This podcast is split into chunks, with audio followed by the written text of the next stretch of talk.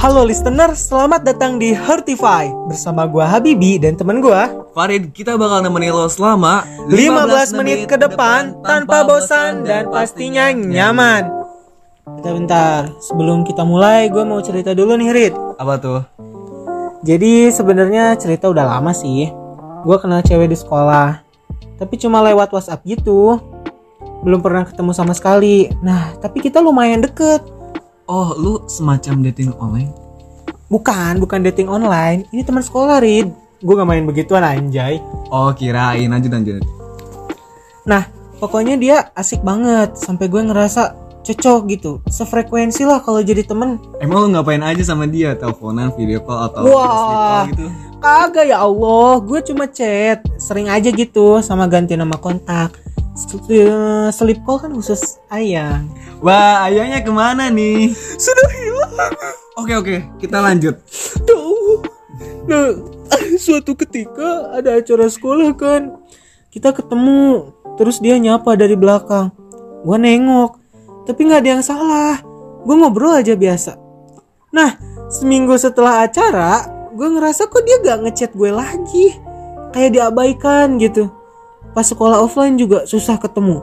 Dan akhirnya, ini plot twist. Beberapa minggu lalu temen gue chat. Wah, chatan apa tuh? Dia bilang kalau ternyata mereka lagi deket dan temen gue suka. Wah, gila gila, parah. Gila, eh, wah gila banget ini mah. Si cewek ngira gue ganteng kali ya. Pas ketemu, wah nih anak kok macam gorila gitu. Jadi batal semua tuh. Ya udah, itu aja guys ya. Kita masuk ke topik kepanjangan kalau gue cerita. Nah, kita bahas apa nih, Rit? Kita akan bahas tikung menikung. Kok mirip sama cerita gua? Kebetulan banget ya. Emang kenapa sih kita bahas menikung ini? Karena faktanya banyak banget yang ketikung entah karena tak confess atau temannya kampret. Alasan satu dan dua paling sering dijumpai. Dan nomor satu lu pernah. anjing astagfirullah astagfirullah Shh, masa lalu vibes 2019 itu. Menurut lu deh, boleh nggak sih tikung menikung apalagi sama teman sendiri? menurut gua eh gini deh. Lu pernah dengar belum ungkapan all is fair in love and war Ah belum tuh. nah kalau belum jadi semuanya itu adil dalam cinta dan perang. Jadi perang sama cinta itu sama. Selalu mengorbankan sesuatu demi mendapatkan cinta dan memenangkan pertempuran persaingan nah kalau kata orang Indonesia mah selama janur kuning belum melengkung jomblo bebas menikung Oh paham paham. Bener tuh, gue juga ngalamin. Memang udah sorry. Memang untuk mendapatkan cinta, gak jarang kita bakal ngelakuin segala cara. Mau yang jujur maupun yang curang, dan adil maupun gak adil, salah satunya adalah dengan tikung menikung itu. Yang begini nih paling gua benci, main belakang atau teman makan teman. ngeselin banget. Nggak sedikit loh orang yang nggak tanggung jawab dan nganggep tindakan ini sah-sah aja dilakukan. Oh iya nih buat jombloan dan jomblowati yang belum tahu. Menikung itu istilah mencuri gebetan atau pacar. Nah tapi jelas-jelas tahu kalau orang tersebut udah kita incar atau udah menjadi pasangan kita. Gak ada ahlak ke temen cuy. Bayangin aja lu curhat ke teman sendiri tentang pacar lu Terus tahu-tahu dia ngerebut pacar lu. Gila nggak tuh? Ini juga pelajaran loh. Jangan expose semua plus minus pasangan ke orang. Bisa jadi mereka ngumpulin info dan nyerang balik ke kita. Bener banget, bisa aja titik kegagalannya di pas curhat itu ya. Tetap aja harus ada space. Batasin apa yang keluar dari mulut lo. Eh bentar-bentar. Kok gua denger-denger, gua lihat gitu ya. Lu kok gedeg banget sama tukang tikung? Kayaknya punya masa lalu atau gimana nih? Ah, biasalah itu masa lalu, tau lah. Hmm, nih cerita dong biar orang-orang tahu nih pengalaman lu. Oke, gua cerita tentang ya tikung menikung yang gua alami. Dari ekspresi lu kayaknya cukup tragis ya. Muka gua memang gini anjir. Oke, lanjut ke topik. Jadi cerita awal gua ketemu sama nih cewek waktu pelajaran PKN. Gua inget banget. Kebetulan waktu itu ada pelajaran IPA kan dia. Jadi harus ke lab yang gak jauh dari kelas gua dan pastinya ngelewatin kelas gua. Nah, waktu itulah gua kenal. Setidaknya gua tahu lah namanya siapa, kelasnya. Itu juga gua tahu dari teman fakultas gua sih. Kayak gua nunjuk nih cewek. ini siapa sih namanya terus dia bilang-bilang oh ini kelasnya di sini namanya ini gitu kan temen fuckboy bentar-bentar si itu bukan sih yang itu wes sensor sensor nanti gua bisa berantem sama dia. Ya nggak apa-apa disponsorin sama Om Deddy Corbuzier nanti. Oke gua nggak ikutan ya. Oke lanjut. Kebesokannya gua dicat demi apa anjir? Demi apa? Lu kalian chat duluan. Serius serius. Beneran beneran. Dia duluan. Kayak minta gitulah. Ya ngebanyakin kontak oh I see I see. Zaman dulu emang gitu kali ya. Nah, terus jadi panjang kan pencatannya hampir tiap hari sampai-sampai gua punya panggilan yang nggak perlu gue sebut. Eh, apa ini eh, mami papi atau papa bunda nih Yo, enggak enggak enggak sampai segitunya. Gua nggak salah gitu. biasanya kan gitu anak FF Gua udah gua udah. Singkat cerita, gua dekat sama dia sampai akhir sekolah. Tapi nggak semua itu sih. nggak direstuin atau gimana nih Enggak enggak, gua nggak ada masalah sama keluarganya, malah dipandang baik. Dipandang baik eh kirain gue ada masalah gitu sama dia Enggak enggak kok. Gua ada masalah sama dia, cuman paling diblokir sampai tiga kali. Dan nggak tahu kenapa bisa balik lagi seperti setelah. tiga kali gila senaif itu loh ya Eh Bi, wajar bukan gua kayak gitu ke orang yang pertama kali gue suka. iya juga sih masih mula lah Iya, terus ketika ada acara perpisahan sekolah, dia buat saat dia buat status WhatsApp sama ini kan, gak ada yang salah.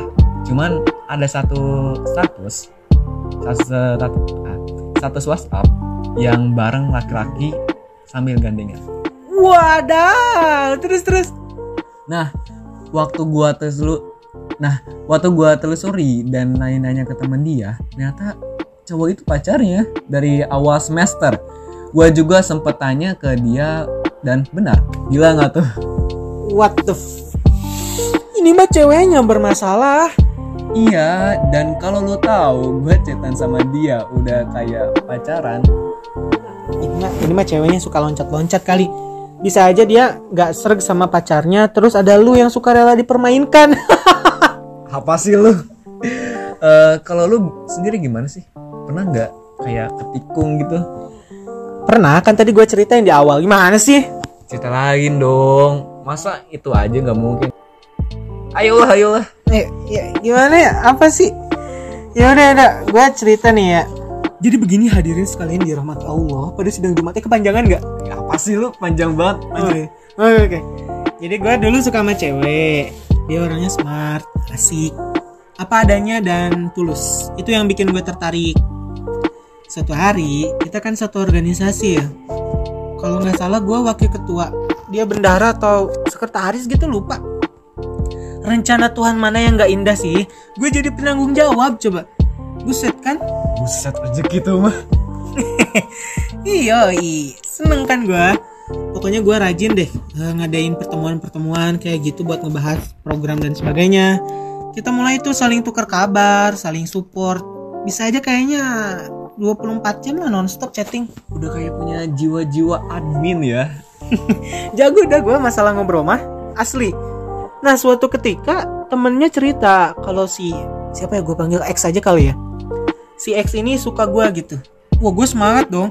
Malamnya gua bikin strategi, sorenya langsung confess. Dengan waktu sesingkat itu, lu bikin apa? Ya gue cerita panjang gitu Rid Kenapa gue suka ke dia alasannya Pokoknya panjang Dan cuma di Rid Gue spam teks dan dia jawab Maaf aku nggak bisa. Nah anjis setelah beberapa minggu lo tahu nggak? Dia punya pacar. Nyesek banget. Nyesek super nyesek Dan ya itulah gue ketikung Karena waktu yang nggak tepat. Guanya terlalu maksa sih Gue kayak ayo dong kasih gue jawaban padahal harusnya dikasih jeda dikasih space dan gue juga ngasih waktu saat Gak itu. juga ya masa lalu. iya. Tapi lu tahu gak persamaan cerita kita itu satu Oh, oh iya iya iya. sama-sama ditolak anjis oh iya nih pesan buat kawan-kawan pejuang cinta salah satu dari banyak hal yang harus diperhatikan saat mau confess itu satu jangan maksa dua waktunya tepat Yap, karena percuma rasanya tepat tapi waktunya salah. Kayak lagu Firda Besali ya. Oh ini kita adalah rasa yang tepat di waktu yang salah. Pergi saja enggak kepanjangan. Emang sakit coy. Ngelihat gebetan lebih milih orang lain daripada kita Apalagi teman kita sendiri. Ketika kita lihat teman ngerebut gebetan Pasti pengen marah ke mereka. Pengen memaki, menangis Dan hal-hal lain yang sifatnya emosional Nah dengerin gue nih Negatifnya lu jadi terpuruk dan ngerasa nggak percaya lagi sama siapa pun Ya, rasa sedih pasti ada. Lu boleh meluangkan waktu buat bersedih karena patah hati, tapi jangan lama-lama. Hidup terlalu indah untuk ditangisi dan diretapi setiap harinya. Kehidupanmu masih perlu berjalan. Anjay. Nah, di sinilah Hortify hadir untuk ngasih solusi buat lu yang abis ditikung temen. Solusi yang pertama, kumpul-kumpul sama temen. Emang rasanya nyaman banget sih menyendiri saat patah hati, tetapi kamu harus keluar dari zona nyaman itu. Jangan kelamaan menyendiri. Ayo, ketemu sama teman-teman lu, tapi bukan yang kampret tadi. Kalau nggak ada ya cari teman-teman yang lain. Nongkrong, ngobrol, main gitar, apa pun itu deh. Berkumpul bareng teman-teman yang menyenangkan itu bisa bikin stres lu lepas dari pikiran. Solusi yang kedua, minta penjelasan. Saat emosi udah mulai mereda, temuin teman dan pacar. Terus mintalah penjelasan dari mereka. Sampaikan kemarahan, kekecewaan, dan rasa sakit hati lo. Ungkapkan dengan baik-baik. Gak perlu sampai drama-drama gitulah. Kalau kasus yang ditikung ada lagi betang lo, belum menjadi pacar, gak perlu minta penjelasan dari dia. Cukup sama temen aja. Gebetan belum punya ikatan apa-apa sama kamu, jadi kamu gak berhak mempertanyakan ini. Solusi yang ketiga, relakan dan move on. Cobalah untuk merelakan hubungan mereka guys. Lu bakalan kesel dan gedek banget. Gua tahu, gua ngalamin, gua ngerti. Tapi apa gunanya mempertahankan orang yang enggak menghargai dan enggak sayang sama lu? Oke, solusi yang terakhir. Sepahit apa pun kejadiannya, pasti ada pelajaran berharga yang bisa lo ambil. Salah satunya, hati-hatilah dalam memilih teman dan pacar. Sebaik apa pun perlakuan lo sama mereka, gak ada jaminan kalau mereka akan selalu ada di sisi lo. Karena itu, berikan hati, tapi tetap waspada. Teman dan pacar seharusnya jadi orang yang mendukung, bukan menusuk dari belakang. Yaps, jangan terlalu lama juga terkurung dalam masa kelam karena pengkhianatan mereka. You move on dan mulai hidup yang baru. Tetap berpikir positif dan yakin bahwa lo akan mendapatkan pasangan yang lebih baik daripada mantan itu. Ya, dan ini solusinya udah kita praktekin dan berhasil 50% Betul, betul. Karena 5% kenangannya jadi ya gak bisa dihapus Ya Allah, betul sekali ya Allah. Udah 15 menit aja nih, gak kerasa ya Ya nggak kerasa banget asik nih. Eh btw, gue punya quotes nih Rit. Apa tuh, apa tuh?